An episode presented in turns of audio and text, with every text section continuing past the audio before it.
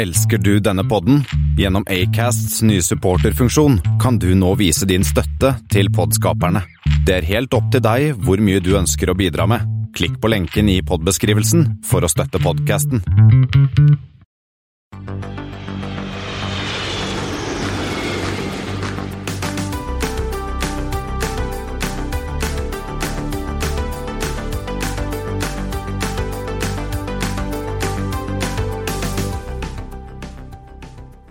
Hei og velkommen til Flypoddens flight 158. Det er i dag tirsdag 25. mai. Eh, vi er fortsatt eh, hjemme. Og som vanlig hører du meg, Espen Næss, og Kristian Kammer. denne gangen skal vi nok en gang innom Norwegian, som har fått penger. Det har også Condor, mens vi har selskaper i både USA og Brasil som skal begynne å fly. Mens enkelte i Hviterussland har vært slemme gutter. Men ikke minst skal vi snakke med gutta bak NF-podden. Både om livet som arbeidsledig pilot og synet på fremtiden. Ja, Har koselig. du noen Ja, har, koselig, eller det var jo koselig samtale. Eller vi skal komme tilbake til det etterpå. Selv om eh, bakteppet kanskje ikke er det aller eh, hyggeligste. Men eh, har du noe mer å melde, Kristian, eller skal vi bare gå rett på dagens to flighter? Um, nei, det har ikke Jeg så på TV 2-nyhetene i går. Flyr var ute og viste seg fram med de nye uniformene sine litt. Og fikk, Hva var dommen på de? de, de viste jo ikke så nøye. Det var sånn at De hang langs en vegg, så det var ikke så mye lett å se. Klarte Så se du som eh, moteekspert kunne egentlig ikke gi, eh, gi deg en eh, bedømmelse? Nei, eh, så litt kjedelig ut. Men ja, ja. Det så, jeg, så ikke helt om de var blå eller grønne. Det så ut som de hadde noe grønntaktig slips, i hvert fall. Men det så ut som de var, den gjengen der eh, var eh, good to go og klar for å lansere. Så vi sitter jo klare med bookingfingrene, vi, Espen. Ja, vi sitter klare, så uh, bare kjøre. Bare åpne for billettbestilling, dere. Så det må kanskje ha den lille AOC-en først. Men uh, da har jeg to flighter i deg, Christian. Ok, kjør på. Hopper vi rett på. Er det, er det en ny, er det en ny trend med to, bare? Jeg trodde vi hadde tre, Espen. Normalt har vi hatt tre, men så prøver jeg å lage et tema, og så gjør jo denne jævla pandemien at eh, masse flighter ikke går. Så Ja, Det gjør det litt vanskeligere. Er sant, det. Men jeg har da FR 158 BER til ALC 737-800. Ja, uh, Ryanair, Berlin er det, Jo, det er jo, Berlin, er jo til og med gode, gamle Berlin uh, Den nye Den Berlin, nye Berlin heter den nå, ja. Nå heter den vel Berlin til Brandenburg. Brandenburg. Til uh, Alicante. Hente, ja. Ja. 737-800, som naturlig nok med uh, Ryanair. Så er det WN 158 HOU til ATL til FLL med en 737. Stort sett 737-700. Ja. Eh, dette er jo Southwest Airlines fra Houston Hobby, den, den litt sånn lille bynære flyplassen. Som jeg har South, med South, Southwest-flyplassen i Houston. Ja, eh, nå flyr de jo faktisk til, fra begge, visstnok. Både Ja gamle Intercontinental og Ronald Reagan og Hobby. eh, Og så til Atlanta, og så til Fort Lauderdale. Dette er jo sånn typisk eh, eh, Southwest hoppe, hoppe, hoppe-flight. Ja. Eh, men de har en del ting til felles. Jeg ser i hvert fall én, to, tre, fire ting til felles. Ja, dette er jo Syden-flighter. Dette er Syden. Den ene ender opp i Alicante med tyske pensjonister som skal eh, bli solbrune. Den andre ender opp i Fort Lauderdale med amerikanske pensjonister som skal bli solbrune. Ja, nå er det jo ganske godt og varmt i Houston nå, da, men eh, Ja, men strendene Ja. i Houston og strendene i Atlanta er sant. Da skal du til Galveston, da. Der er det jo ganske fin strand, men det er klart det er litt mer lovløst i, i Florida. Det er jo litt, særlig nå på Ja, nå i, i mars, spring break, så var det jo Florida som var tingen. Og så er, dette, er jo dette Southwest eh, er jo det som the, the mother of all eh, low cost carriers og, i USA, og så er jo vel Ryanair the mother of all low cost carriers i Europa. Ja, lavprisselskap. Så går de sørover. eh, Kanskje ikke så overraskende. Går med 737 og lavprisselskap. Går, er, går den sørover? Houston til Ja, for Dolly er kanskje litt lenger sør enn Houston? Ja, ja. Houston Atlanta går muligens nordover, men både på totalen og siste strekket er sørover. okay. Det er godt nok for meg. Ok, og så er det 737.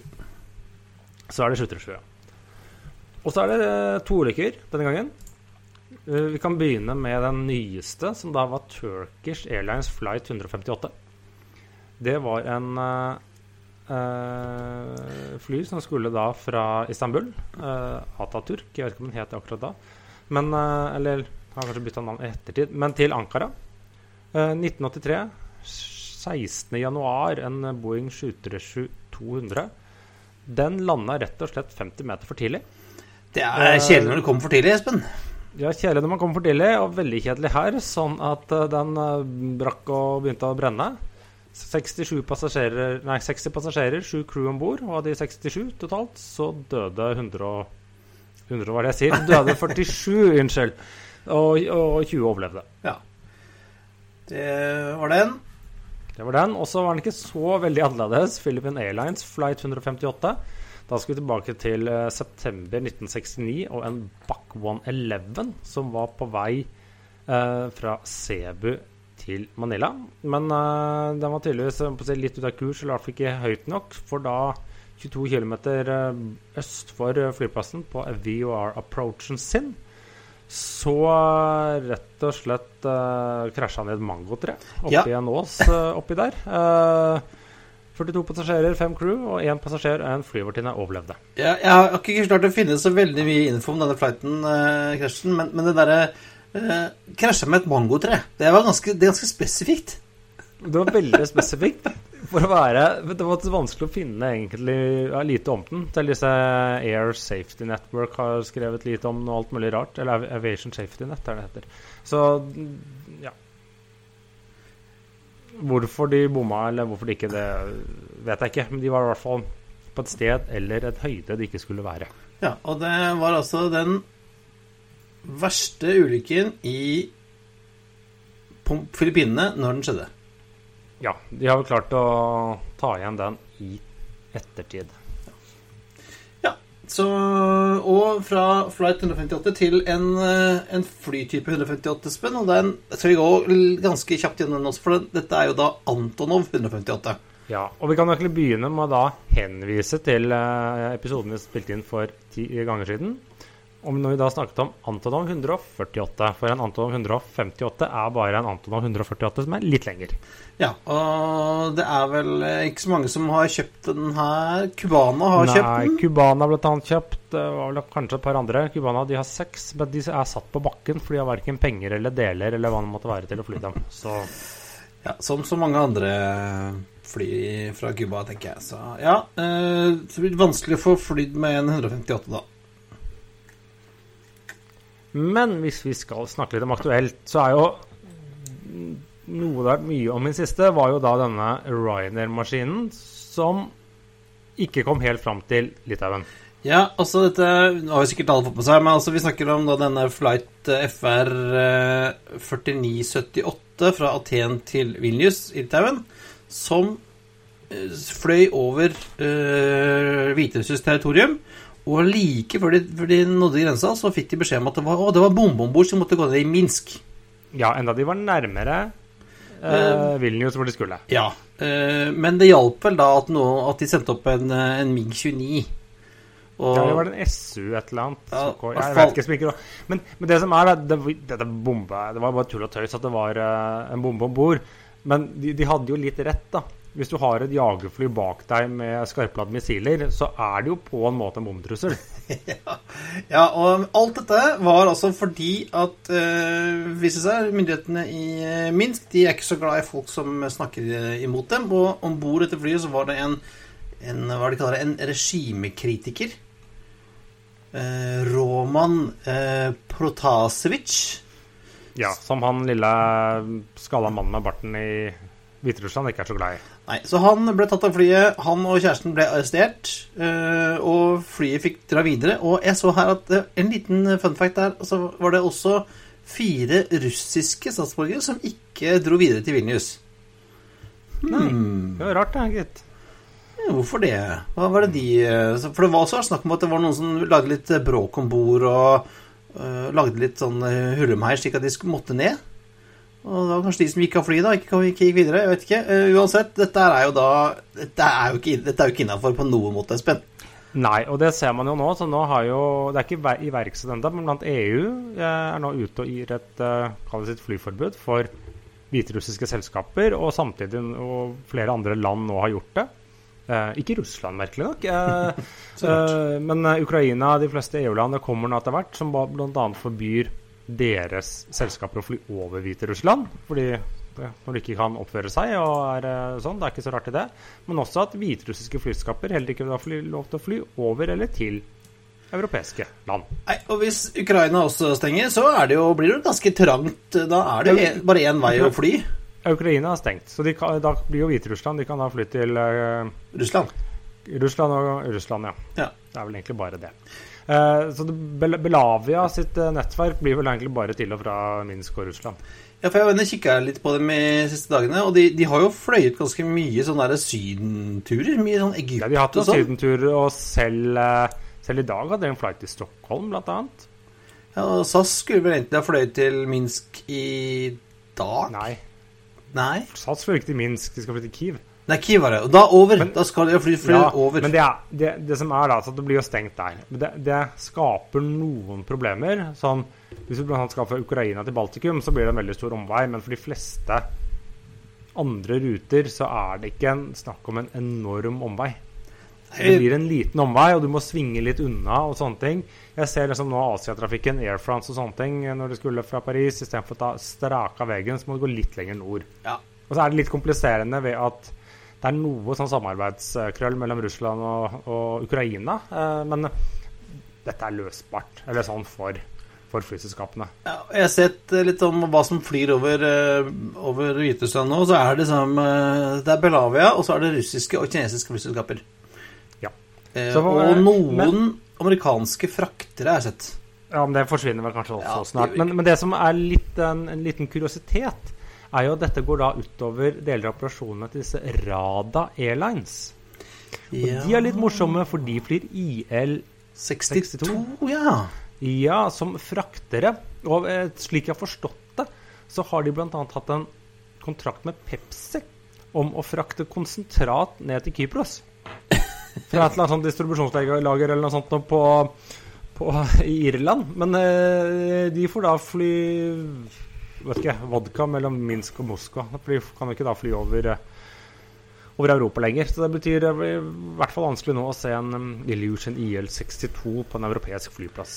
Ja, og kanskje vanskelig å få seg en Pepsi i, i Larnakala. Jeg tror at brus er som laks, altså. Den finner en vei. ja, det er sant.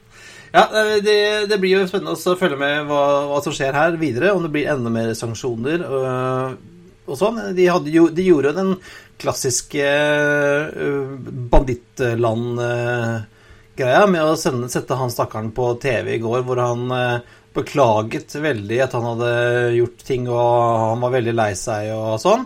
Uh, hadde gjort en litt dårlig jobb med å sminke bort alle blåveisene og sånn, da, men det var ingen som, kjøpte den greia der, tror jeg. Nei. Nei, skal vi gå videre til eh, noe mer gladnyheter fra Oslo Børs, Espen? Ja, Norwegian har gjennomført sin emisjon, så de er jo i praksis reddet. Eh, pengene er på, på konto. Eh, da endte jo da blant, blant John Fredriksen og Sundt-familien opp som de største eierne. Sammen med bl.a. Lorentzen med familie og DNB Assets Management og Nordea Asset Management. Dette er jo, Vi har snakket om dem før. De sa jo disse var disse såkalte hjørnesteinsinvestorene. De to siste er jo forskjellige fond. Eh, deres, det er deres pensjonsfond og børsfond og alt mulig rart. Eh, da Jon Fredriksen gjennom dette Gevran Trading, som er hans private selskap, fikk da 140 millioner nye aksjer. Og det måtte de ut med 875 millioner kroner for. Og det gir en eierandel på nesten 20 basert på antall aksjer i dag. Men eh, For dette skal jo Dette jo, eh, skal jo masse gjeld konverteres til, til aksjer. sånn at det er nå trykket opp til sammen 700 millioner aksjer. Så kommer det 300 millioner aksjer til. Slik at da Jon Fredriksen, med mindre han eier gjeld der også, eh, har kjøpt opp gjeld der, blir sittende igjen med ca. 14-15% av selskapet. Uh, Sundt AS, familien Sundt, som da fikk da 17,5% De blir jo da sett ned med rundt 12-13 Folketrygdfondet får vel eh, rundt 5 etter, at, etter de er utvanna. Uh, DNB, disse DNB-fondene rundt 12 Eller de har 12 nå, så blir det kanskje litt mindre når de blir utvanna. Rundt 10. Uh, så det Og hvor mange aksjer fikk du? Ingen. Ingen. Jeg hadde jo signet meg opp for å gjøre en kule her, men nei da. Nei, for at uh, Jeg burde jo ha kjøpt tegningsrettigheter, men uh, Men det trengte jo ikke Fredriksen. Han fikk kjøpe uten, uten en tegningsrettigheter. Nei, jeg er ikke regnet som hjørnesteinsinvestor. Men det Nei, øh, og aksjen har jo dette som en stein, som Har- forventet. ja, ja, det kommer litt an på hvem, da. For at, ja, ramla som en stein. For de som hadde aksjer forrige uke? ja, for de som hadde aksjer, men de som kjøpte nå på seks kroner Nei, da er det jo penger i boksen. Da er det jo penger rett i fòret. Um, og aksjekursen er jo fortsatt overprisa. Norwegian kommer nok til å klare seg, og dette går bra, men prisingen på aksjen er fremdeles uh, Den er frisk. Nei, og Fredriksen fikk vi kjøpt sine for en under sju kroner stykket, vel? Ja, Emisjonskursen var ja. 6, var det 58? F- 28? Og selv etter fallet fall i dag, så ligger det vel på i hvert fall godt over det dobbelte av det. Det var vel tredobla Tre ganger. allerede. Det endte vel rundt 18 kroner. Så det, Ja, ja, ja. Ja, dem om det. Eh, vi får vente, Espen. Kanskje neste, kanskje neste gang får vi lov til å være, kjøpe kjempemasse aksjer og dumpe det ut etterpå. ja. Så Fredriksen, han eh, blir enda litt rikere. ja, få se, da. Jeg, jeg tror eh, både han og disse som ikke her, blir sittende litt. At de kanskje har en liten sånn At det var intensjonen. Mm, ja, vi får se, vi får se. Eh, og noen andre som eh, skal vi si De har i hvert fall uh, slått litt på stortromma. Det er våre venner i Breeze. Ja, Da snakker vi ikke om Bacardi Breezer, men uh, flyselskapet Breeze. Nei, flyselskapet Breeze. uh, godeste Neilman sitt uh, endte selskap han starter. Femte, er det visst. Ja, femte, ja. Ja. Endte femte. Ente. Det- eh, første flight skal da gå mellom Charleston og Tampa. Og det, de starter opp alt 27. mai, så det er eh, i over i morgen. Det vil si det er vel omtrent når denne podden kommer Ja, ut. og slapp vel aksjen Nei, slapp slapp eh, flybilletten nå i helgen.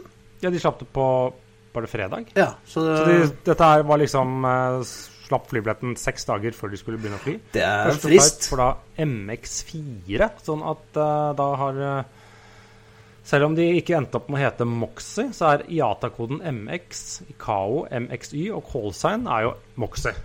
Ja, det, Marriott har jo en hotellkjede som heter Moxie, og de var vel ikke så happy for dette navnet, men eh, David fikk det som han ville likevel, da. På et vis.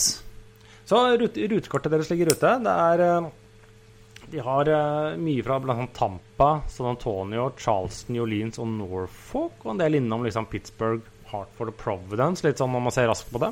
Eh, så et godt eh, nettverk kunne nesten het eh, Southeast Airlines, hvis du ser på rutekartet deres. Ja, Men Og, men litt gøy at de Det er sånn veldig mange Altså, de har jo ingen egentlige hubs, men de har noen flyplasser med litt flere flighter på. Og så har de, ja, de har fire Focus City, Ja. som er liksom Det var Charleston, New Orleans, Tampa og Norfolk.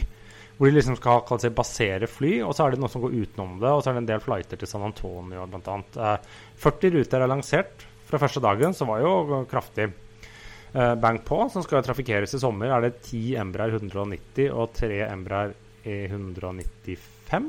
Uh, og av de 40 rutene så er det bare konkurranse på 10 av dem. Ja, for dette jo, er jo Neilmans eh, idé, da, at vi skal eh, fly på sånne underserved routes. Og jeg ser på nettet så er det veldig mange sånn Det er veldig mye sånn connecting the dots. Ja, Connecting, ja, den som sier. Uh, lanserte et eh, bonusprogram, Breeze Points. Minner meg mest om Norwegian Reward, litt hvordan det fungerer. En krone er en krone, liksom. Eller sånn du får eh, basert på hva du kjøper. To billettklasser foreløpig, Nice og Nicer. Eh, Og en, de, har, en- de har en nicest også. den har ikke kommet ennå, fordi at Ah. eh, Ja, for det kommer ikke før til med, med den 22., ja. Ja, med A220, for da blir det Nicest, som er litt mer sånn business, mens de her er litt mer sånn Tenk på SAS Economy og Economy Pluss. Så hørte jeg noen snakke om at eh, disse 22. kommer jo nå i november. Oktober, oktober ja, november. november-oktober regner med trafikk fra rundt nyåret. Ja, og da har de jo rekkevidde nok til å fly Transcon. Ja, men så spørs det om de skal gjøre det når de snakker om connecting the dots. Men de sier jo at de skal bruke disse Embraerne på kortere distanser, typisk ruter opp til to timer. Eh, og så Airbussene på lenger. Men det er litt sånn begrenset hvor mye du kan fly i starten. Hvis du har én eller to eller tre eller la oss si Ja, har A220, og så skal du fly da østkysten til vestkysten. Du rekker jo bare liksom en flight om dagen. Ja. Eh, Jeg hørte også noen som visstnok uh, hadde hørt noen rykter om at eh, de hadde vært i litt prat med Airbus om å få litt større tanker på den, slik at de kunne fly eh, fra vestkysten til Hawaii. Ja, nei, det var også noen, noen rykter om det. Og ellers, dette er Neilman har gjort noe lignende før. Og det er ikke JetBlue, men Azul. Ja, det er veldig, det er veldig asulaktig, dette. Veldig likt Azul, for de av lytterne våre som ikke kjenner til den, er jo et brasiliansk flyselskap som nå tror jeg faktisk har rukket å bli omtrent størst i Brasil etter pandemien. De startet da med mye Embraere og bl.a. litt ATR-er og sånne ting. Mindre fly. Har jo nå gått over også fått seg masse Airbus A, eh, 320 Neo og 321. eh, og men 330. Ja, det er også 330 Å, ja, interkontinentalt, men også, også største kunde på, på Embraer E195 E2. Men det de gjorde og begynte, var rett og slett sånn 'connecting the dots'. Så de i første omgang gikk ikke inn på hovedruta mellom, uh, mellom Rio, eh, Rio og Sao Paulo, på hovedflyplassene der, men fant andre store byer som det var et litt manglende nettverk på, og bygde seg da sakte, men sikkert opp til å faktisk bli størst eller nest størst nå i Brasil. Ja, for det er liksom ikke Du har jo Ja, du har liksom ikke New York, ikke Miami, ikke Dallas, ikke Houston, ikke DC. Du har liksom Louisville, Kentucky og sånn, liksom. Ja, jeg det tipper det kommer kanskje litt større byer eh, etter hvert, men her har de gått inn på mange av disse sånn Etter amerikansk størrelse småbyer, europeisk størrelse, er det jo litt, uh, litt større. Det er jo, bor jo en del mennesker i, på østkysten i USA, for å si det pent. Eh, men det, det blir spennende å se. Ja, det er veldig ålreit. Eh, Mye, mye som skjer der. Jeg, jeg tviler ikke på at uh, David Nilman også gjør en kule i denne butikken. Så får vi se da om det blir noen, eh, om det blir noen, noen connections mellom Breeze og Azul etter hvert. Ja, og det tar jo oss litt til Brasil igjen, da. Ja, øh, og mens øh, Azul sine fly er jo ganske pene, kule og fine å se på, så øh, har vi nå fått øh, et selskap som heter Itape... Itapemirin Linas Areas. Og dette er jo busselskapet Itapemirin som har startet flyselskap. Dvs. Si det var et flyselskap som het det før, som også var gule og stygge fly.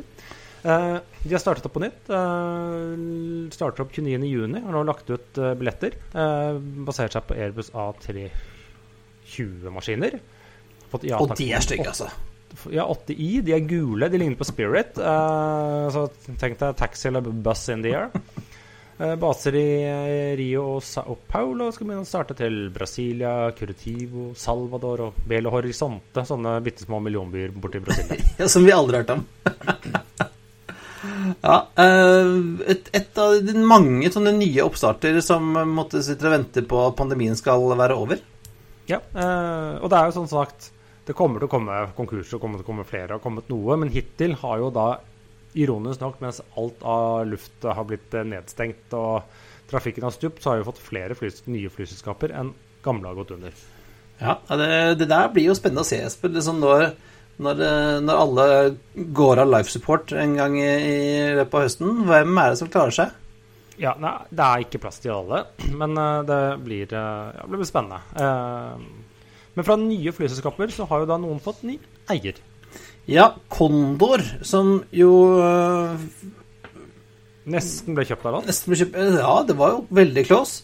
Har nå fått et, øh, en ny eier, majoritetseier, som et, er et, et sånt Er det et hedgefond?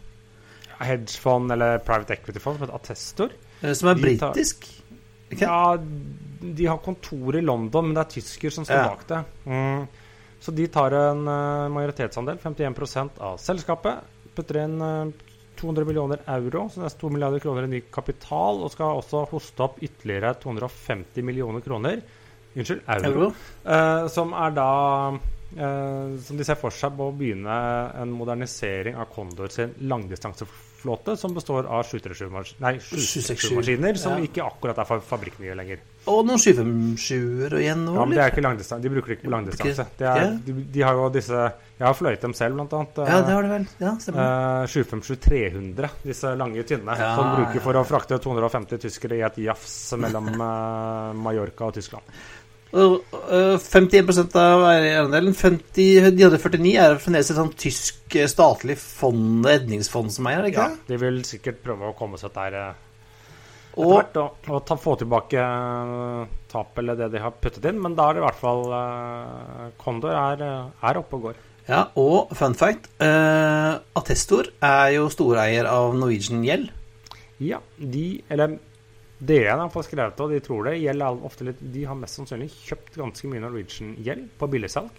Så det er ikke umulig at uh, Attestor uh, om Det er vel to måneder gjelden skal omgjøres til aksjer, dvs. Si liksom den siste, siste delen, at de blir sittende på noen Norwegian-aksjer.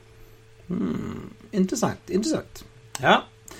Og fra, fra tyske turister så går vi til norske turister, for det er vel et av de få stedene norske turister kan reise til, er vel Færøyene, har jeg sett. Ja, jeg tror det. Hvis ikke så åpnet det seg kanskje ganske fort. Men da færøyske Atlantic Airways de har annonsert en ukentlig rute mellom Vagar og Oslo fra midten av juni hver onsdag. Ja. Eh, Jeg, de er, den er vel for nordmenn som skal til Færøyene, ikke så mange, for det er ikke så mange andre færøyere som skal til Oslo, er det det? Er jo ikke så mange færøyere Nei, det det er som sånn totalt sett. to flighter, så er det tomt, liksom. Ja, uh, nei, så det, jeg kjenner noen som har vært der og sier det er et uh, spennende land. Mye god mat og litt spesielt. Det er bare masse små øyer uh, rundt omkring. Og så er det jo en del De har fløyet på Bergen nå, men den tror jeg legges eller byttes ut med Oslo. Og så har det vært en del kall det si charter, for det er en del nordmenn som er i Færøyene og bygger tunnel. Det stemmer, jeg kjenner noen som driver med det. Ja. Et firma jeg jobber i, som driver med bygger tunneler på Eller tegner noen tunneler på Færøyene. Veldig fine. Ja, da kan vi dra og se på tunnel i, i, i Færøyene. Ja, på, på Færøyene er det vel kanskje. Ja. Ja. Og fra eh, gode nyheter i Norwegian og Condor og, og Breeze, så går vi til eh, de dårlige nyhetene i I konkurshjørnet. I konkurshjørnet. Vi har faktisk ikke vært så mye der i det siste. Det er lenge siden sist. Det er Ja, det er liksom å lenge siden sist. ja. tørke litt støv i, i hjørnene her. Ja. Uh, dette er jo Vi skal begynne med Aero Transcargo NL, eller Nederland. De klarte å gå konkurs før de klarte å starte. Fordi disse ble annonsert i februar. Det var en ny eh, nederlandsk cargo-selskap som visstnok skulle starte nå i sommer med to Boeing 747 eh, fraktere. Som var da leaset for dette Aero Transcargo FSE, et selskap som var basert nede i Sharia, nede i Emiratene der, men som skulle da operere en rekke Moldova-registrerte fly. Så dette, dette var skikkelig Eh, dette business. dette var skikkelig bandittoperasjon, men de kommer seg da alltid altså da ikke i lufta. Det er godt gjort at du klarer å gå konk i den eneste eh, delen av luftfarten som faktisk går bra ja, om dagen. Eh, frakt. Jeg har mistanke om at uh, dette var ikke seriøst nok, men, uh, men det. Ellers er det jo en Det er også noen som, andre som gikk konkurs uh, før de egentlig klarte å starte. Ja, de har holdt på en stund. Det, det er flyfabrikken Aerion. Ja, de skulle jo lage dette overlydsflyet, uh, Aerion AS2, som var en sånn tremotors uh, Bizjet, var det vel? Ikke de Boom, men noe sånn lignende. Eh, som skulle gå av den. De var jo ikke så lenge siden de annonserte at de hadde intensjonsordre med disse NetJets og sånne ting, og Ja, aldri, ting så lyst ja, ut. De hadde jo solgt både til NetJets og FlexJets. Hadde Ja, eller i hvert fall hadde kjøpsopsjoner eller hva det måtte være. Forrige uke så hadde de en gjennomgang av bankkontoen, og den viste seg å være tom, så da var det kroken på døra. Ja, Det var ingen andre som ville spytte penger inn i dette prosjektet heller. Nei, men altså Og så tenker de Nå har vi fremdeles eh, Boom og disse andre som heter var det enda et Ja, selskap. er til, det er en til. det er i hvert fall noen som skal, eh, skal prøve seg, og det, dette er jo et nisjemarked, for å si det pent. Ja, og trenger vi det egentlig? Trenger vi supersoniske passasjerfly i, i 2021? Eller når de kommer 20, 25 skulle disse her begynne? 26 skulle de begynne? Nei, jeg tror ikke det. Nei, altså I gamle dager, når Concorden fløy, så var det jo et poeng hvis man måtte komme seg kjapt over Atlanteren. For å gjøre Da klarte du nesten å fly fortere enn faksen, men Ja, men i dag er det sånn Har du så dårlig tid, så kan du alltid gjøre det på Zoom. ja, det var nettopp det. Så Og ikke ta en, ikke ta en og så- boom. Så ja, så kommer det i løpet av litt senere på dagen istedenfor i løpet av noen timer. Så ja. Og liksom, i, med tanke på bærekraft og, sånn også, tenker jeg det er vel ikke så veldig bærekraftig. Uh, de, jeg, vet Nei, jeg, har ikke, jeg har jeg- ikke sett eh, liksom, fuel burn, men det må jo være ganske mye. Det er, noe, det er en sammenheng mellom drivstofforbruk og hastighet. Så ja, jeg tror vel heller, ville heller Akkurat nå vil jeg putte, heller putte pengene mine i elektriske fly enn i, i supersoniske, gitt. Men uh, for noen uker siden da tok vi en uh, hyggelig prat med to andre som driver en podkast om fly på norsk. Ja, uh, det er NF-podden, som er podkasten til Norsk Flygerforbund. Ja, vi har så vidt uh, snakket med dem. Uh, eller vi har nevnt dem før, og denne gangen hadde vi da en, en prat med dem om litt sånn hvordan er det å være pilot og arbeidsledig i, i disse tider, som dessverre altfor mange er. Og litt hva trodde de om framtiden, og det var en uh, hyggelig og interessant samtale. Ja, skal vi bare høre på den, da?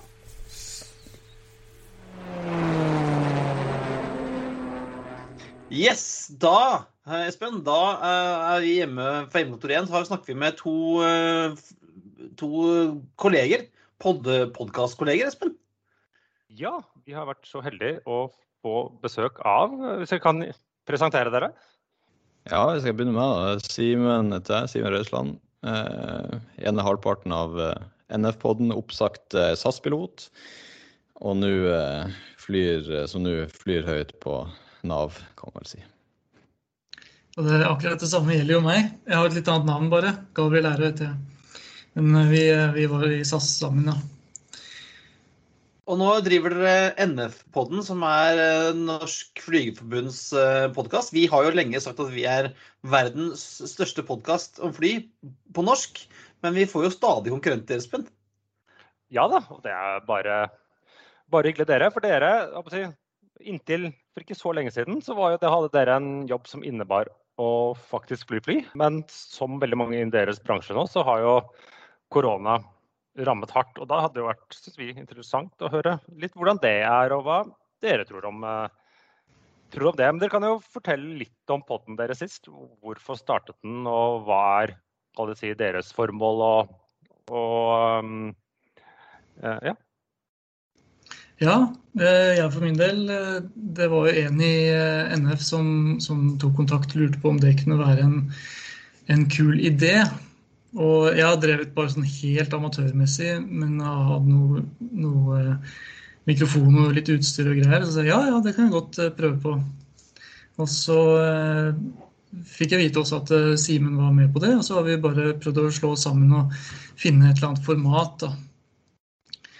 Det som er litt greia her, er jo altså i, i NF da, så er det jo eh, litt sånn Det er kanskje litt sånn uoppdaga univers der det finnes enormt mye eksperter som liksom har eh, både 40 og 50 års erfaring ifra, ifra det å fly. da. Og det å kunne liksom vise fram litt mer av hva som skjer der inne. Og både jeg og Gabriel er jo liksom ikke noen eksperter på NF på noen slags måte, så det er jo litt av ideen egentlig òg, at, at vi er litt sånn på en slags oppdagelsesferd da, for å lete litt på hva som, lete litt rundt og se hva som egentlig finnes av kunnskaper og, og ideer der ute.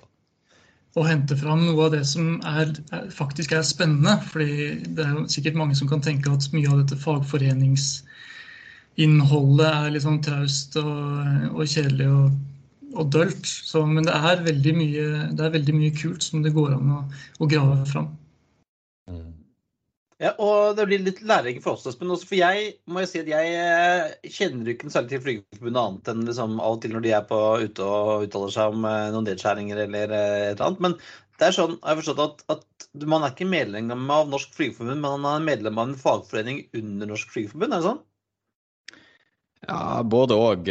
Som sagt, jeg er ikke noe ekspert på det her, men du kan være direktemedlem i, i forbundet. Men de aller fleste er jo medlem i, i eh, disse medlemsforeningene, da. Der det er Norske SAS-flygernes forbund. Det var jo der jeg og Gabriel var medlem eh, tidligere, da når vi jobba i SAS.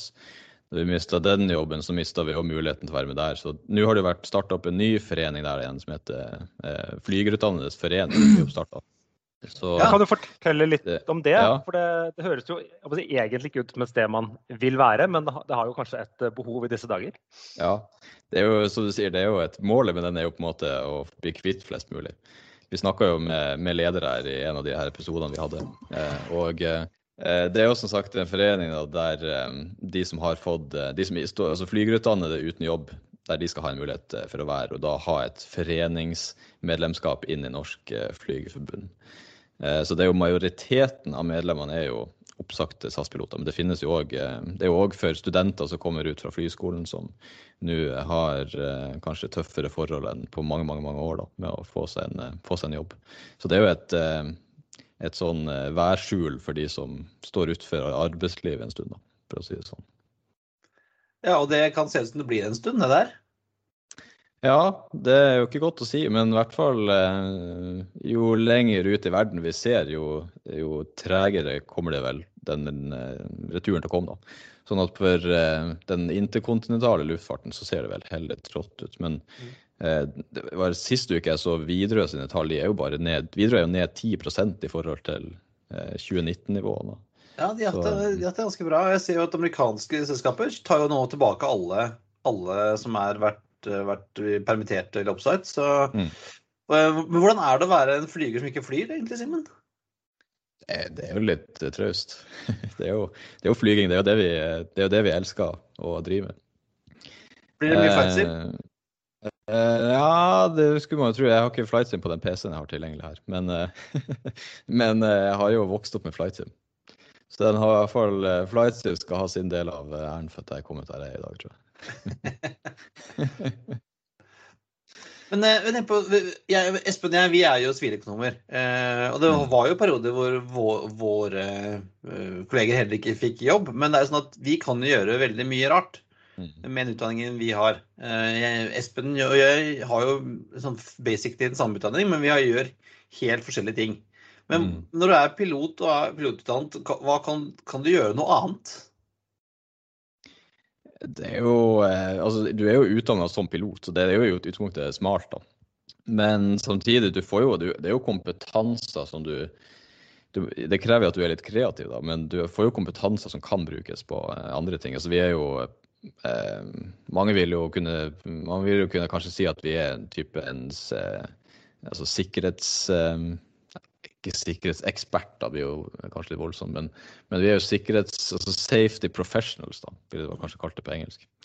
Så eh, vi har jo et eh, profesjonelt forhold til det med sikkerhet, og det er det jo en hel drøss av bransjer som har både maritimt og ja, kanskje særlig maritimt og offshore. Ja. Så det, det, finnes jo selvfølgelig muligheter hvis man er litt kreativ. Da.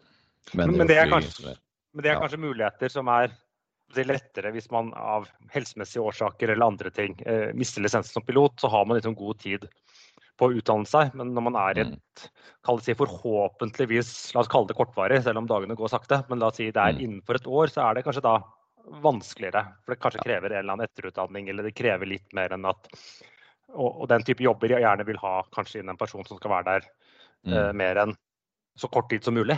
Mm. Ja, det tror jeg du har helt rett i. Og da tror jeg nok at vi stiller nok på lik linje med de fleste andre eh, av de fleste andre uten en pilotutdanning, da, for å si det sånn. Men altså, Gabriel, nå som uh, du uh, ikke har jobb som pilot, hva gjør du da? Ja, det er jo å ha gode hobbyer. Jeg gjorde noe såpass ekstremt som å ta opp pianospilling etter 20 år.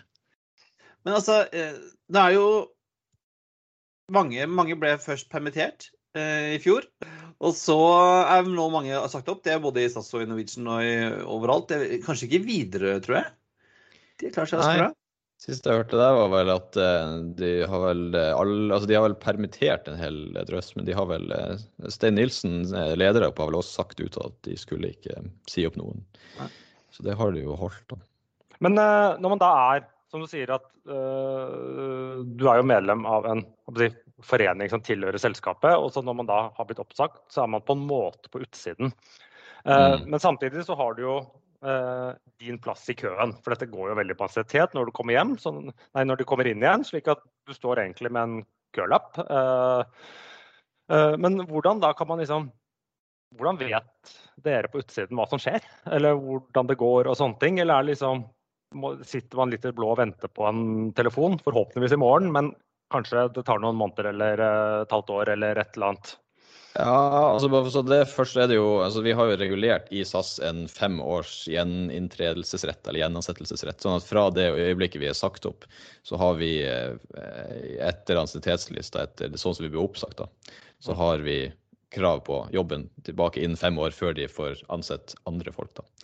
Eh, så vi har jo en lovfesta retur, da. Ehm, for å ta det andre, så eh, har jo SAS, det skal de jo ha faktisk ha skryt for, at de har vært flinke til å ha Nå arrangerer de jo Eh, møter ca. en gang i kvartalet med oss. da. Der de inviterer oss inn på et Zoom-møte eller Teams-møte, og så får vi beskjed om liksom, statusoppdatering underveis. da. Det får lov å stille spørsmål. Liksom. Så er det jo begrensa hva de kan si, fordi at det er jo det er jo fortsatt, Ting er jo litt i det blå, for, eh, som det er for oss alle, med hvordan det ser ut med, med reising og med sommer og ferie og alt sammen. Men det gir i gir iallfall en mulighet for oss til å få en litt sånn føling av hva som skjer der inne. Og så er det jo selvfølgelig Altså vi alle kjenner jo folk som er fortsatt er på jobb, uh, selv om det er jo en, en generasjon over oss, mange av oss, da. Um, fordi at de har jo sagt opp altså De med høyest ansiennitet som blir sagt opp der, har jo jobba der siden 2001. Mm. Så det er jo folk med 20 års, 20 års erfaring da, som har Ja, for det, det, er slik jeg har forstått det. Hvis jeg nå sier at gjennomsnittsalderen på en flyvende pilot i SAS i dag mm. må være 60 år, minst. Ja, 59 var det siste jeg hørte. Ja. Så det er ikke så langt unna, nei. Nei, eh, og da vi, jo, vi, håper jo og tror at eh, vi etter hvert snart kan komme tilbake igjen. Og da jeg tenker er det mange tenker du som har helt forlatt yrket? som på en måte, Noen tipper jeg liksom er, kanskje har tatt litt førtidspensjonering, eller andre bare tenkte at nei, jeg kan ikke vente på dette et år. Jeg, mm. jeg begynner å kjøre buss. Mm. Det er jo helt klart en fare for det. Og det er jo en eh, ting som, eh, som da Flygerutdannelses forening har hatt stort fokus på, det her med å sikre den kompetansen. Fordi at eh, vi er jo, Norsk luftfart er jo krevende og er jo ekstremt viktig for liksom, infrastrukturen. Da. All den tid vi bor så spredt og, som vi gjør. Så det å sikre at de ekstremt dyktige pilotene som vi hadde på laget før krisen, at de fortsatt har en, eh, altså de har papirene og alt i orden til å gå inn i en cockpit igjen når, når det her eh, en dag løsner og folk skal begynne å fly igjen, det er jo ekstremt viktig. Um, så det har vært uh, altså det En ting er jo at uh, for flygere er det jo dyrt å holde seg uh, ved like eller holde seg current, da, som man sier. Det er jo Eh, Nå vet ikke jeg hvordan det er med, med, skip og med buss og alt sånt, men for en flyger så må du jo hvert år, for å holde sertifikatene ved like, så må du i simulator. For å fornye eh, sånn, f.eks. en type rettigheter på en Boeing eller en Airbus eller Dash eller hva du ønsker fly. Og så må du til flylegen. Og de her to tingene koster fort eh, ja, 15 000-20 000 totalt i året. Så det er jo en stor eh, kostnad å bære når du går eh, når du går, eh, om ikke arbeidsledig, så er det iallfall en, en dyr kostnad, en stor kostnad å holde gående for en jobb som du ikke har. Da, for å si det sånn. For det her er jo ting som arbeidsgiver betaler til vanlig hos de seriøse selskapene. Ja, så du, du, du har mål liksom, innom å kjøre recurrent training jeg trodde, altså, en gang i året? Mm. Ja. Må det. Og hvis du ikke gjør det, så mister du sertifikatet, eller kan du ikke ja, det vil ikke være gyldig lenger. Da. Det betyr at du kan jo altså Går det ut, og det er utgått i fire måneder, så kan du jo gå og fly en test igjen, og så har du det på en måte Er du good to go, da. Mm. Men eh, det går Det er bare et års gyldighet på det. Ja. Men det, det, kan jo også skape problemer for selskapene når de liksom skal begynne å si, både gjeninnsatte og øke trafikken, ved at mm. plutselig så tar du tilbake si x antall piloter, og så oppdager du at oh ja, de, de, har jo egentlig ikke lov til å mm. fly ennå. De driver med å sende på litt tilbake på mm. skolebenken en liten stund. Mm, ja, ja. Det kan fortsette. Og så er det nok helt sikkert et poeng der som du nevner, at det er nok mange som har funnet seg en alternativ karrierevei. Eh, og folk har tatt nye utdanninger. Det er mange vet jeg, som har blitt eh, lokførere. Og plutselig så har du en jobb der du har Du, du tjener kanskje bedre enn det du gjorde når du fløy, og du har en forutsigbar arbeidstid og, og så kanskje det ikke er så Kanskje du bare, kanskje du finner til rette i en ny tilværelse. Nei, og Det har jo Espen og jeg snakket om før. altså Før eh, pandemien så var det jo mange som snakket om at vi, vi begynte å lukte på en pilotmangel. Mm. Eh, og jeg vil jo tro at alt ettersom hvordan trafikken kommer tilbake igjen, så er jo ikke den mindre, mindre aktuell nå. Med mm, folk som Nei. har slutta eller funnet karriereveier eller blitt pensjonert eller Altså, er, er, og du er, det er skytersju du flyr, sant? Mm. Hvem vet, kanskje, kanskje, er det ikke skyttersjuer igjen i SAS-flåten når, når, du er tilbake igjen? Altså, de... Nei, jeg er ganske overbevist om at jeg fløy fløyet 737 for siste gang i mitt liv. Det er nok at det, Når jeg drar tilbake til SAS eventuelt, så er det nok en Airbus jeg skal fly. Mm. Men, nei, men, dette, dette, kan jo ta oss litt videre til, til, neste punkt. er at Nå jobbes det jo med mye si, nye teknologier. Eh, la oss bare gruppere det og kalle det elfly, og så definerer vi ikke noe nærmere enn det. Mm. Men mange av de, eh, mange tror jeg da at det blir flere avganger, flere fly, men som da mm. er mindre. Eh, inkludert potensielt på de nisetere med bare én pilot, som riktignok er færre, men at det blir flere avganger. Eh, det vil jo også påvirke både deres hverdag og deres muligheter. Mm. Mm. Helt klart. Det skulle man jo helt klart tro. Um, og så har det vært, eh, som jeg har skjønt, eh, diskutert så vidt òg at eh, de her små flyene man skal vurdere om man skal gå over til én pilot på de også, da. Det tror jeg er ganske langt fram i tid. Det er jo vanskelig å si, da. Men da vil jo behovet kanskje gå ned. Men, eh, men man skulle jo tro at med de elflyene som nå kommer i første gang med ni, ni passasjerer, at hvis man skal kunne opprettholde et rutetilbud sånn som i dag, så vil det jo kreve mange fly og mange piloter på jobb. Jeg har jo sett at var, EU har vel snakket om at man tillater kommersielle flyvninger med, hvert fall med, med singles med én pilot. Mm. Uh, og vi har jo sett, uh, det har vi snakket om før Espen, om man gjør tester nå i USA på fraktflyvninger uten pilot. Uh, hvordan tenker dere om å fly i cockpit alene? Gabriel, hva tror du? Jeg er skeptisk. Men det, det tilhører jo vår vår eh, bransje, eller vår generasjon også, at vi er veldig skeptiske til det. Hvordan Kanskje det kan gå på bare på godværsdager. Men én ting er jo at, hvorvidt det er trygt og ikke, men jeg tenker også på hvordan skal forsikringsselskapene bli enige om ansvar hvis noe skjer. Så ja. det høres ut som det, det er nok en del ting som må gå i orden før det blir såpass trygt at ting går rett og slett av seg selv. Og så er det jo eh, en del ting som jeg tenker at er veldig vanskelig å erstatte med, å erstatte med datamaskiner og roboter.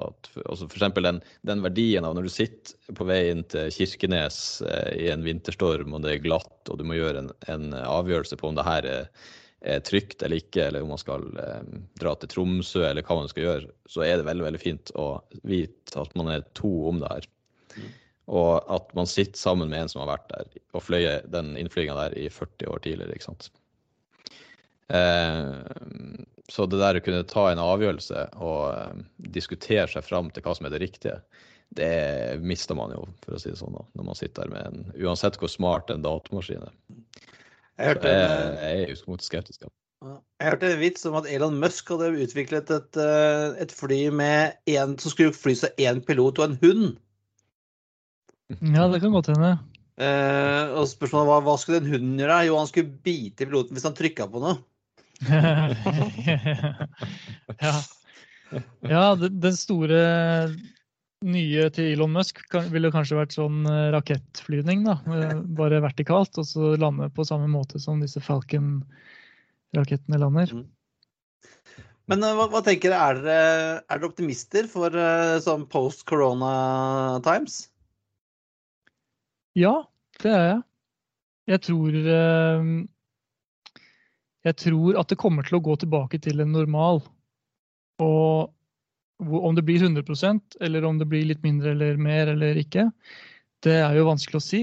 Men en annen ting er at jeg har forstått litt statistikk som sier, forteller noe om hvor ofte vi tar feil. Så når jeg skal si noe om fremtiden, så er det veldig sannsynlig at det er helt feil. da. Men det føles i hvert fall sånn. Det er veldig vanskelig å spå om fremtiden, har jeg skjønt. Uh, og så har vi jo en helt ny eh, konkurransesituasjon når vi er på andre sida, med ikke bare SAS og Norwegian, men uh, et, et SAS og et vingeklippet Norwegian og Flyr og Wizz. Som alle skal ut og fly på innenriks, og, og videre som har bitt seg fast, og som også kommer til å kunne ta litt biter her og der. Hvordan tenker dere om den nye situasjonen? Ja, det kommer til å bli veldig mange seter. Og så får vi se hvor mange personer som skal dele på de. Og det vil jo da bli pris som skal regulere det. Tja det, Blir det for mye, så må jo noen vike, da. Det som er et viktig poeng her, tenker jeg, er jo at konkurranse må skje på like vilkår. ikke sant? Og um, nå har man jo um, Altså, SAS er jo en uh, seriøs konkurrent, Widerøe er en seriøs konkurrent, og Flyr kommer inn og etablerer seg som òg en seriøs konkurrent, ettersom det har forstått, at de eh, konkurrerer på gode vilkår. Men så har du jo eh, elefanten i rommet, da, som eh, ja, skal ikke jeg gå for, hardt, for langt inn på det der, men, men, det har jo noe med at man må kanskje følge de spillereglene som finnes, da. Og eh, siste, siste, klippet som jeg så på NRK her med Josef Varadi, så er han jo eh, heller kritisk, for å si det sånn, da, til eh, de ansattes eh, at, Til det at de ansatte skal organisere seg. Så eh, ja, jeg vet ikke hva man skal si. Men, det, men det, der kommer det jo kanskje litt an på skal jeg si, mer overnasjonale mål og mm. at hva si, foreningen i en forening i Norge har må mm. jobbe sammen med si, internasjonalt, slik man får et slags felles EU-regelverk. Eh, men så, selvsagt, hver forening må jo bidra med sitt. Det er vel litt det mm. det, det kanskje handler om der. Mm. Det er det nok. Men at man får til et eh, det må nok, Jeg tenker i hvert fall at det må nok at det må nok et politisk styre, noen politisk handlekraft til for å få et ordentlig grep om å sikre en, en ordentlig bærekraftig bransje. Da. Uh, men der tenker jeg også at den koronakrisen, der har man jo en mulighet nå til å faktisk bygge opp uh, en sunnere og bedre luftfart i bakkant. Uh, om den blir like stor som den var før, det vet jeg jo ikke. Det trenger det kanskje heller ikke å være. Men, men at man får til en, en luftfart som er bærekraftig, og at man får til Altså, eh, prisene må nok sannsynligvis litt opp, da. Eh, og så får vi heller kanskje fly litt mindre, men heller fly litt bedre, kanskje. Ja, det var vel det eh, venninnen vår fra Berg-Hansen sa også. Fly litt sjeldnere, mm. men uh, litt finere. Mm. Og vi har også snakket med, med, han, med, med, OSL om ut, og det er veldig mange flyselskaper som sitter og venter. Og alle måte, er litt klare for å starte. Når, hvor, hvor raskt kan dere være i lufta hvis SAS ringer i morgen? Og sier at nå skal vi kjøre, gutter? Ja, vi må trenes opp på nytt, da. Så det er jo visse krav til, eh, til hvor mye som skal til før vi er klar. Men eh, jeg tror nok hvis du setter opp et par uker, så, er det vel, eh, så, er det vel, så går det nok. Noen runder i simulatoren, og så kanskje et par runder som sånn treningsrunder oppe i, i lufta. Men det, men det, for å gå tilbake til som Simen sa tidligere, er at hvis mm. han Det er jo ikke sikkert at uh, når de ringer dere, forhåpentligvis i morgen, men uh, at uh, det kan jo være at dere har fløyet deres siste 737. Så hvis dere plutselig skal opp på Airbussen, så tar det enda lengre tid. Ja, mm. da er det nok en Er det røftlig en tre måneder, pluss-minus? Eller ja. helst pluss, kanskje? Ja, det, er det er jo veldig mange i SAS som har gått etter kursen nå nylig. Fordi at de er i god gang med mm med den overgangen. Mm. Men det kurset er mye lengre. Så da er det, da er det hvis, hvis, de ser i SAS at de kommer til å trenge uh, mange av oss til å fly på Airbus i løpet av noen måneder, så bør de nok begynne å, å tenke på det nå. Det, mm. mm. det er sant. Så du har lasta ned Airbus A320 Neo til uh, Flight Sim allerede, eller? Ja, ligger på nattbordet, vet du. Nei, det, jeg tenker det kan hende at eh, altså blir det 737, så eh, er jo det fint. Og blir det Airbus, så skal jeg alltids klare det òg. Men eh, jeg har ikke, jeg har ikke tjuvstartet ennå. Det har jeg ikke. Ja, for det, jo en, det, blir jo en interessant eh, prosess da, når disse flyene som har stått nå lenge, skal opp lufta og støv av, og dere skal tørkes støv av, sånn, sånn, sett. Men eh, det er litt sånn førstemann ut, tror jeg, som kan ta en god del markedsandeler. Det er vel der hvor kanskje det som våre jeg skal ikke si de venner, men våre, de, rosa, de rosa flyene skal uh, kanskje ha gjort litt sånn Det er sånn de tenker, da. At de skal være klare den dagen uh, ketsjupflaska sprutter. Ja, jeg, jeg syns jo det De har jo prøvd flere ganger også. I løpet, av, uh, I løpet av pandemien så har de jo hatt offensiver. Når de lanserte og når de prøvde å utvide rutenett og sånn. Og så har de kutta ned fordi det var for tidlig. Så det er helt naturlig at man prøver å skyte blink. Prøver å treffe akkurat i åpningen. Og kanskje er det fornuftig å bomme litt, eller at man er såpass aggressiv da, at du aksepterer at du bommer litt. Men uh, det er jo som du sier, det blir nok viktig å, å prøve å treffe den sweet spoten. Når det åpner, så, uh, så, er det sikkert mange som ser for seg at det går fort. Espen sitter faktisk veldig klar med den bukkefingeren sin, vet jeg. Ja, jeg gjør det selv.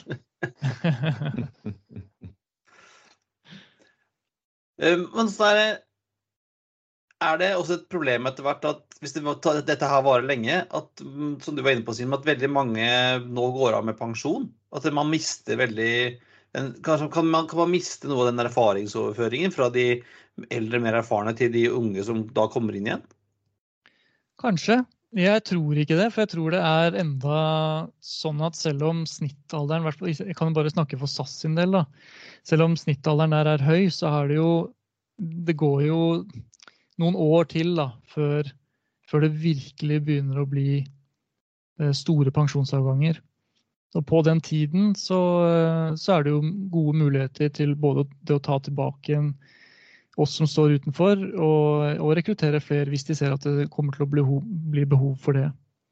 Men det er, ikke, det er, ikke, sånn at det plutselig forsvinner veldig veldig mange nå på ekstremt kort tid. Du kan si Relativt sett så er det sikkert kort tid, men det er jo likevel noen år. da. Mm, ja. Mm. Så de bør jo ja, jeg bare tenker på sånn, hvis du, hvis du, tenker at Hvor lang tid tar det å, å lage en pilot, da, hvis du kan kalle det det? Han må jo da utdannes først, og så screenes og rekrutteres. Eh, men det kan hende at de ser at det ikke bør bli noe problem. Nei, eh, og liksom, før, vi, før vi runder av eh, ja, Et spørsmål til begge to, egentlig. Du nevnte Gabriel, det å lage piloter. Mm. Nå er det jo sikkert mange vet at mange eh, er unge og lurer på om de skal bli piloter. Er det, er det noe dere vil anbefale? Uh, ja, å bli, å, å bli, pilot generelt? Ja. ja, det er det. For meg er det en passion. Jeg vet ikke hvordan Jeg begynte som stuer på Oslo, på Oslo lufthavn og ble inspirert derfra. Og via, via, litt flight simulator på PC-en og, og, rekruttering inn til noen flyskole, så, så ble jeg pilot. Og det, det, er underveis i løpet at jeg kjente at yes, nå har jeg funnet det jeg faktisk har lyst til å drive med. Hvis det er en passion, så bør man absolutt gå for det. Og, og vice versa, egentlig. Altså, ikke gjør det fordi at eh, du har lyst til å trille trillekoffert i terminalen. Det er mer enn som så. Mm. så. Nei, helt enig. Jeg har jo hatt den passion siden jeg var liten, og tenkt nå etter jeg ble oppsagt at hvis jeg hadde Den dagen jeg søkte flyskolen, den gangen jeg kom inn, hvis jeg hadde visst da at jeg kom til å få jobba i to år og få sparken og måtte finne på nytt igjen, jeg hadde jo gjort det på nytt igjen. Eh, og det er fordi at, det er fordi at den jobben her er fantastisk. Det er lange dager, og det er tidvis ekstremt mye jobb, men det er òg veldig givende. Men man, det, det, som er viktig å være klar over, at man skal være veldig veldig eh, sikker på at det er det man vil, og man skal vite litt hva man går til. Eh, for det er en, en, tøff jobb som eh, krever mye eh, av liksom framtida di. At du må altså Det koster mye for familieliv, det koster mye for Altså det, det, det er ikke bare du som betaler prisen, da. Som i, pris som i seg sjøl kan være høy, da i penger og, og kroner, men òg for et, et framtidig familieliv. Da. Så man skal tenke godt igjennom det. Men når det er sagt, så Eh, jeg syntes det har vært verdt det. i hvert fall. Så har dere jo verdens beste utsikt fra kontoret. Ja, det har vi. Ja, det er det. Er det. Så flyr vi jo i verdens flotteste land òg, da. Og fly til ja. si. Men, men vi, det tar jo også litt til det si, våre avsluttende spørsmål. Så hver gang vi har gjester som får svare hver for dere, eller sånne ting, så har vi tre faste spørsmål. Eh, den ene er jo hva er din yndlingsflyplass? Nå tenker jo vi da normalt fra passasjersiden, vi som sitter bak, men uh, dere må gjerne utbrodere hvis dere har, dere har litt andre kanskje erfaringer og, og, synspunkter på det enn oss. Så hva, vil du begynne du, Gabriel? Ja, den, det, det, absolutt store, store tingen å si der, det er at det kommer an på. Og det kommer stort sett an på, på været. Å fly en nydelig visuell innflyvning i, i strålende klart vær det er helt, helt, umulig å velge mellom så mye flott. Men jeg syns å komme, komme, inn over fjellene når du skal inn til f.eks. Molde eller Ålesund, er spesielt, spesielt vakkert. Når du skal inn til Sola og du skal lande på 3.6, så eh, flyr du, da får du gjerne Prekestolen eh, nede på høyre på vei ned dit. Det kan være artig. Det er sånn at Du kan se at det er folk på den også, hvis du ligger eh, ca. der du skal. Da. Du ligger jo typisk litt lavere på en, på en visuell innflyvning. Men eh, det, er, det, er, gjerne sånn at nesten alle de flotte plassene i, i, i Norge har en slags eh, egen romantikk ved seg på godværsdager. Men jeg må velge, hvis jeg må velge en ja. Ja, nei, da får det bli, får det bli uh, visuell innflyvning til uh, Molde på 07. Simen? Nei, det blir, jo, det blir jo eh, tungt i favør Nordvestland Nordvestlandet her, da. For jeg hadde vel Ålesund sånn umiddelbart som slo meg, da. Men eh, det er så Gabriel sier, det der å fly håndfly, koble ut autopiloten på 10 000 fot og håndfly litt innimellom fjellene her. og inn på en god værsdag inn til Ålesund. Og I tillegg i Ålesund, litt sånn supernerdete, så kommer du når du kommer fra Oslo, så kommer du 90 grader på rullebanen. Så det krever liksom en litt sånn koordinert Det krever en litt timing og litt skills for å få en ordentlig fin sving inn på finalen der.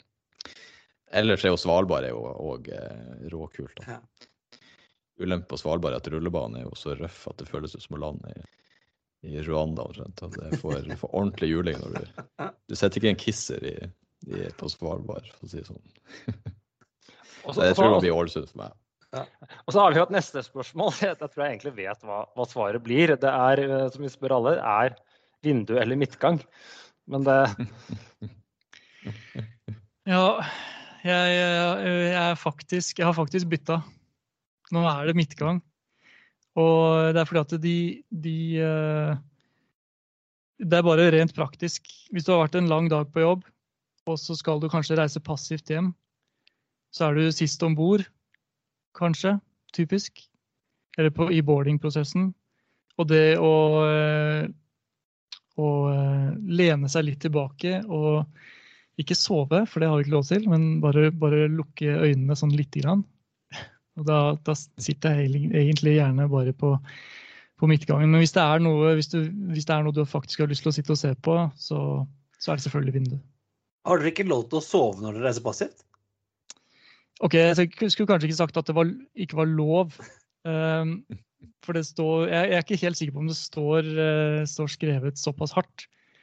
Men hvis du reiser i uniform, så, så, så er det jo ikke det, det, tar seg ikke ut om man ligger nei, med hodet på snei og sikler. Sånn, ja, nei, nei, jeg er litt jeg er helt enig. Ja, men det er, kabinpersonalet er også trent opp til å gi deg en sånn liten forsiktig eh, arm på skulderen, sånn at, du ikke skal, at det ikke skal skli helt ut.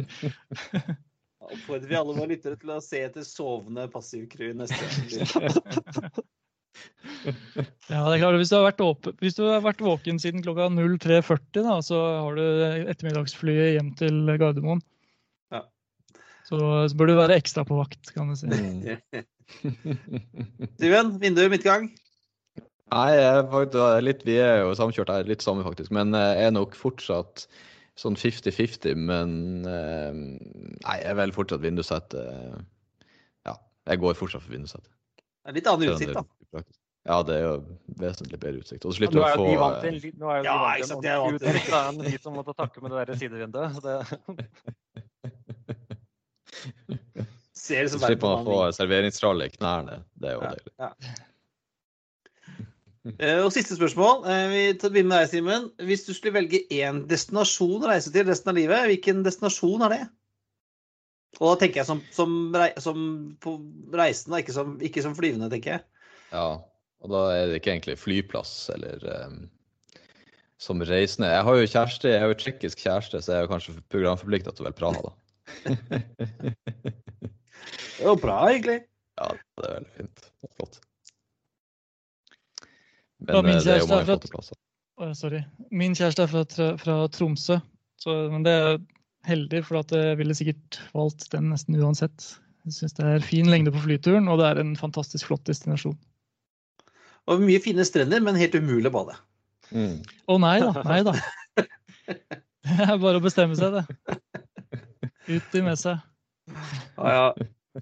Nei, men eh, Tusen eh, takk, Kitty. Det var veldig hyggelig å ha dere med i podden. poden. Og så pleier vi også å ha en ukens anbefaling. Ukens anbefaling må være å høre på NF-poden, da.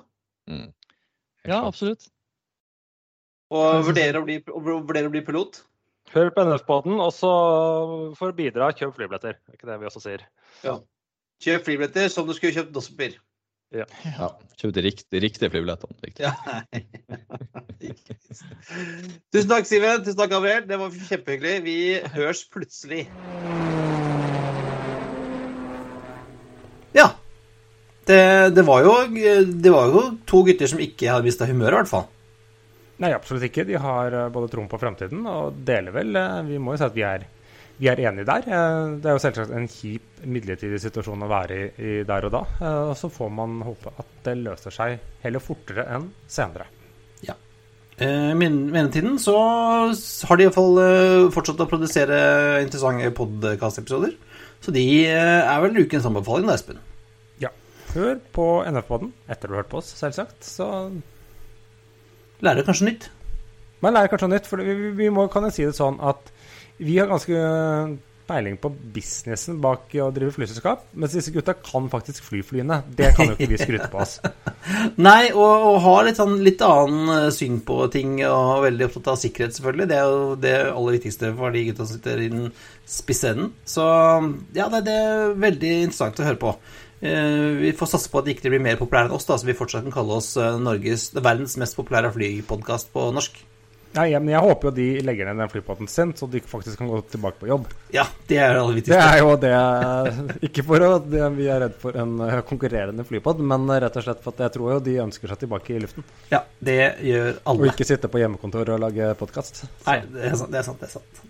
Ja, men eh, det var alt for denne gang. Det er på tide å feste sikkerhetsbeltene, rette opp setet og sikre fri sikt ut av vinduet ettersom flight 158 går inn for landing i rett uh, luftrom. Som vanlig finner du linker til det vi har snakket om på flypodden.no. Du finner oss på facebook.com slash flypodden, på Twitter at flypodden, Instagram at flypodden. Og har du spørsmål, vil du invitere oss på en flytur etter hvert, sponse oss, eller har har lyst til å være gjest, har du et spørsmål, så er bare send oss en mail på hallo at flypodden.no, eller en melding på Facebook.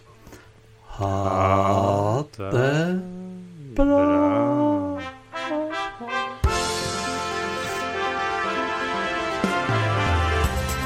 Thank you for flying Ryanair. Last year, over 90% of our flights arrived on time. We hope you enjoyed yours and we look forward to welcoming you on board again soon. Ryanair. Low fares made simple.